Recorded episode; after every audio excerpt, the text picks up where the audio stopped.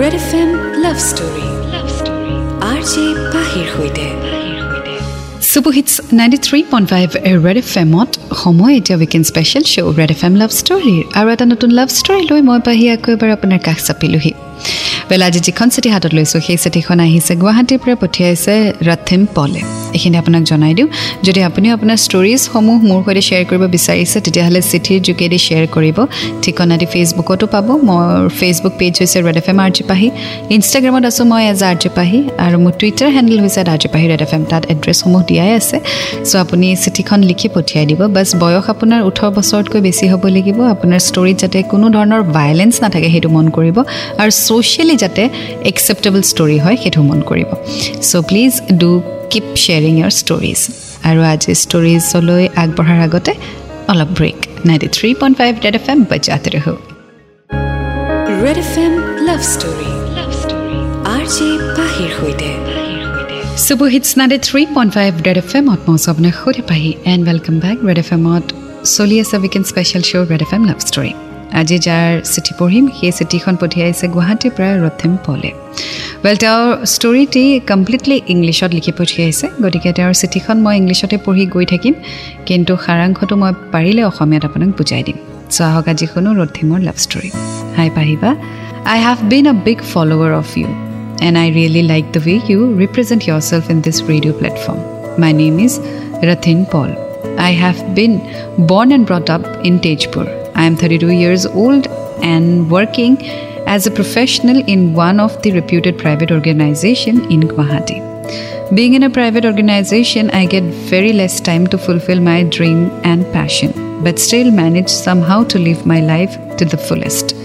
Being inspired by your YouTube platform for love, I got inspiration to share my love story as well with you.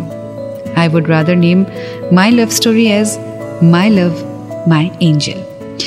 So' ৰথিমৰ ঘৰ তেজপুৰত কিন্তু কৰ্মসূত্ৰে তেওঁ এতিয়া বৰ্তমান গুৱাহাটীত আছে। আৰু ৰথিমে এতিয়া নিজেই কামত ব্যস্ত বাট যিমান পাৰে তথাপিও জীৱনটো জীয়াবলৈ চেষ্টা কৰি আছে। নিজৰ ষ্টৰীৰ নাম দিব বিচাৰিছে মাই লাভ মাই এঞ্জেল চ' আজি শুনি গৈ থাকিম আমি ৰথিনৰ love story ninety three point five red F M বজাতে ৰহো red F M love story love story R J পাহিৰ সৈতে। Super hits ninety three point five red F এমত মই আপোনাৰ সুধে পাহি এণ্ড ৱেলকাম বেক চলি আছে weekend special show' red F M love story আজি শুনি আছোঁ Rathin পলৰ love story my love my angel আগলৈ তেওঁ লিখিছে it was the year two thousand ten when I got transferred to Guwahati for my job I used to stay in a hostel in Silpukhuri my warden's daughter was like my sister She used to visit our hostel with her mother and she used to respect me as her elder brother. It was that time when one day she was talking to her best friend over phone. I was present with her and was very curious who was on the other side of the phone as her voice was very sweet which attracted me a lot. I asked my sister several times who is she? Then she replied, "It's my best friend." And I simply asked her to hand over the phone to me. Without any hesitation, she handed over the phone. I was nervous at that point of time, but taking a deep breath, I had a conversation with her, which was quite formal. That was the day when everything started. I took her phone number from my sister and started chatting with her and used to call her sometimes. We used to do the conversation in English. So' কৰ্মসূত্ৰে গুৱাহাটীলৈ আহিলে ৰথিন আৰু শিলপুখুৰীত থাকিলে। আৰু শিলপুখুৰীৰ য'ত হোষ্টেলত আছিলে তাৰে ৱাৰ্ডেনৰ জীয়েকজনীৰ সৈতে এটা ভাল সম্পৰ্কত আছে Rathin as brother and sister আৰু সেই ৱাৰ্ডেনৰ জীয়েকে কাৰোবাৰ সৈতে ফোনত কথা পাতি থাকোঁতে ৰথিনে শুনা পালে। মাতটো খুব বেছি পচন্দ হ'ল গতিকে ৱাৰ্ডেনৰ ছোৱালীজনীক সুধিলে কোন হয়? আৰু তাইৰ বেষ্ট ফ্ৰেণ্ড বুলি ক'লে। আৰু অ'ভাৰ ফোন সেই ছোৱালীজনীৰ সৈতে কথা পাতিলে। একেবাৰে ফৰ্মেল কথা। আৰু লগে লগে তেওঁ ফোন নম্বৰ ল'লে আৰু লাহে লাহে ফোন আৰু মেছেজ কৰা তেওঁলোকে ষ্টাৰ্ট কৰিলে। বাট বেছিভাগ তেওঁলোকে ইংলিছতে কনভাৰ্চেশ্যনটি কৰে। চ' আমিও আগুৱাই গৈ থাকিম আজি ষ্টৰীৰ সৈতে। N ninety three point five red F M বাচ্চাতে ৰহো। Red F M love story love story R J পাহিৰ সৈতে। Super hits ninety three point five red F এমত মই আছোঁ আপোনাৰ সুধে Pahi and welcome back to weekend special show' red F M love story আজি শুনি আছোঁ ৰথিনৰ love story my love my Angel আগলৈ তেওঁ লিখিছে her name was Anita She is an Assamese girl and I am a Bengali boy. This telephonic conversation went for a month and we didn't even see each other at all. But somehow I started liking her a lot. Her soft voice, decency in nature attracted me a lot.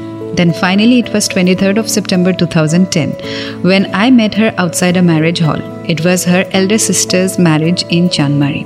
I was standing outside the hall on the other side of the road, and she was looking me from the balcony of the hall. Although the view was a bit hazy, but still I fell in love that day with her. So' তেওঁলোকে বেছিভাগ সময় ফোনতে কথা পাতিছে বা message কৰিছে। ইজনে সিজনক কিন্তু দেখা পোৱা নাছিলে। আৰু কথা পাতি পাতিয়ে ৰথিনৰ প্ৰেম হ'ল অনিতাৰ সৈতে। তাই বহুত সহজ সৰল আৰু মাতটো বহুত এট্ৰেক্টিভ গতিকে সেইকাৰণে ৰথিন এট্ৰেক্ট হৈ পৰিলে তাইৰ প্ৰতি। তেইছ ছেপ্টেম্বৰত তাইৰ বায়েকৰ বিয়াৰ দিনাখন ৰথিনে তাইক লগ পালে। ৰাস্তাৰ ইমূৰৰ পৰা সিমূৰলৈ দুয়োটাই দুয়োটাকে চালে। And he fell in love with her so' আমিও আগুৱাই গৈ থাকিম আজি ষ্টৰীৰ সৈতে N ninety three point five red F M বাই জাতে ৰহ red F M love story love story R J পাহিৰ সৈতে। Super hits ninety three point five red F এমত মঞ্চ আপোনাৰ সৈতে পাহি। আৰু আপুনি মোৰ সৈতে শুনি আছে weekend special show' red F M love story শুনি আছোঁ ৰথেন পলৰ love story my love my Angel আগলৈ তেওঁ লিখিছে she was seven years younger to me in age and I was scared that will our relationship be possible as many people got offended due to our age as well as our language. Being in so much dilemma, I dared to propose her on 24th of September 2010 and she was silent hearing that. I waited for 2 days and finally on 26th of September 2010 she accepted my proposal. I was very happy as well as I was scared that will she stay with me or will she leave me as I was elder to her with so much of an age difference. Well Rathin আৰু অনিতাৰ মাজত বয়সৰ বহুত বেছি ব্যৱধান আছে। আৰু লগতে লেংগুৱেজ এফালে বেংগলী এফালে অসমীয়া আৰু এইফালে আকৌ বহুত বছৰৰ গেপ গতিকে সেইটোৰ আনচিয়ৰিটিত তথাপিও ৰথিনে প্ৰপ'জ কৰিলে অনিতাক আৰু দুদিন পিছত অনিতাই কিন্তু একচেপ্টো কৰিলে। বাট তথাপিও ক'ৰবাত নহয় ক'ৰবাত ৰথিনৰ এটা ভয় আছিলে যে এইজৰ কাৰণে অনিতাই বাৰু এৰি যাব নেকি? কাৰণ অনিতা সাত বছৰ সৰু। চ' অনিতা বাৰু এৰি যাব নেকি? অকণমান অপেক্ষা কৰক জানিবলৈ। Ninety three point five red F M বাজাতে ৰহ red F M love story love story R J পাহিৰ সৈতে।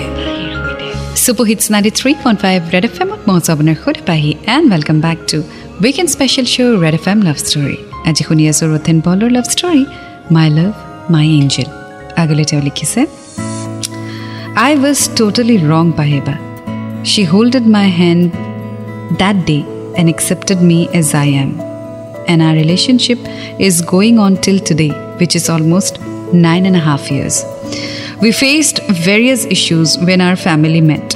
When her father came to know about our language difference, we had to fight with various social issues. But finally, we are getting together as a life partner by 2020 end with all troubles we faced. And now our family is okay with us. চ' অৱশেষত ঘৰৰ মানুহেও মান্তি হ'ল। Well কথাত জনাইছে যে problems হৈছিলে বহুত। Social differences social issues family issues কিন্তু তেওঁলোকে দুয়ো দুয়োটাৰ হাত নেৰিলে। দে ৱেৰ টুগেডাৰ তেওঁলোকে ফাইট কৰিলে। এণ্ড দে হেভ ছাকচিডেড আৰু এতিয়া চাৰে ন বছৰ হৈ গ'ল তেওঁলোকৰ এফেয়াৰ আৰু by two thousand twenty and মানে এইটো বছৰৰ শেষত তেওঁলোকৰ বিয়াৰ কথা।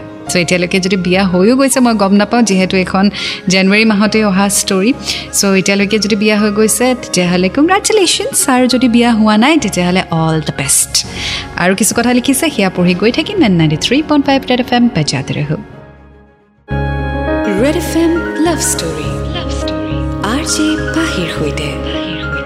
super hits ninety three point five red F এমত মঞ্চ আপোনাক সৈতে পাহি আৰু আপুনি শুনি আছোঁ weekend special show' red F M love story শুনি আছোঁ ৰতিনৰ love story my love my angel so' lastly তেওঁ লিখিছে she came to my life as an angel and blessed my life with all beautiful things I got in this nine and half years I will love her till my last breath and care for her respect her till my last breath just to say her I love you my Angel টিল আই breath it would be you and only you.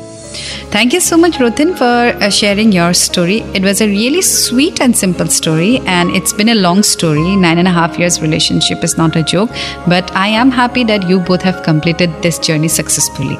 So, wish you all the happiness in your life. And yes, for safety purpose, personal purpose, আমি তোমাৰ পাৰ্টনাৰৰ নাম change কৰি দিছোঁ hope you will understand this because this is our safety protocol and thank you once again for sharing your story এয়া আছিলে আজিৰ story my love my Angel অলপ পিছতে আপোনাক জনাম আপুনি কিদৰে আপোনাৰ ষ্টৰীসমূহ পঠিয়াব পাৰে। গতিকে কাইণ্ডলি আপুনি নোট ডাউন কৰি ল'ব ঠিকনাটি আৰু আপোনাৰ চিঠিসমূহ লিখা আৰম্ভ কৰি দিব। Ninety three point five red F M বাজাতে ৰহো red F M love story love story R J পাহিৰ সৈতে super hits ninety three point five red F এমত মই আপোনাৰ সৈতে পাহি এণ্ড ৱেলকাম বেক চলি আছে weekend special show' red F M love story এতিয়া আপোনাক জনাই দিওঁ আপুনি কিদৰে ষ্টৰিজসমূহ মোলৈ পঠিয়াব পাৰে। ৱেল আমাৰ ঠিকনাটি হৈছে red F M office Jupitara palace A B C first floor G S road Tarun Nagar seven eight one double zero' five this is our postal address আপুনি পোষ্ট কৰি দিব আপোনাৰ চিঠিসমূহ ইনষ্টাগ্ৰাম আৰু ফেচবুকত ষ্টৰিজ শ্বেয়াৰ নকৰিব লগতে জনাই দিওঁ আপোনাৰ বয়স ওঠৰ বছৰতকৈ বেছি হ'ব লাগিব আৰু কোনো ধৰণৰ যাতে ভায়লেঞ্চ নাথাকে সেইটোও মন কৰিব আপোনাৰ ষ্টৰি চ' কাইণ্ডলি আপোনাৰ ষ্টৰিজসমূহ পঠিয়াই থাকক আৰু এতিয়া মই বাহিৰে বিদায় লৈছোঁ যোৱাৰ আগতে সদায় কওঁ to fall in love it's a great feeling you will get to learn a lot and always remember I love you ninety three point five red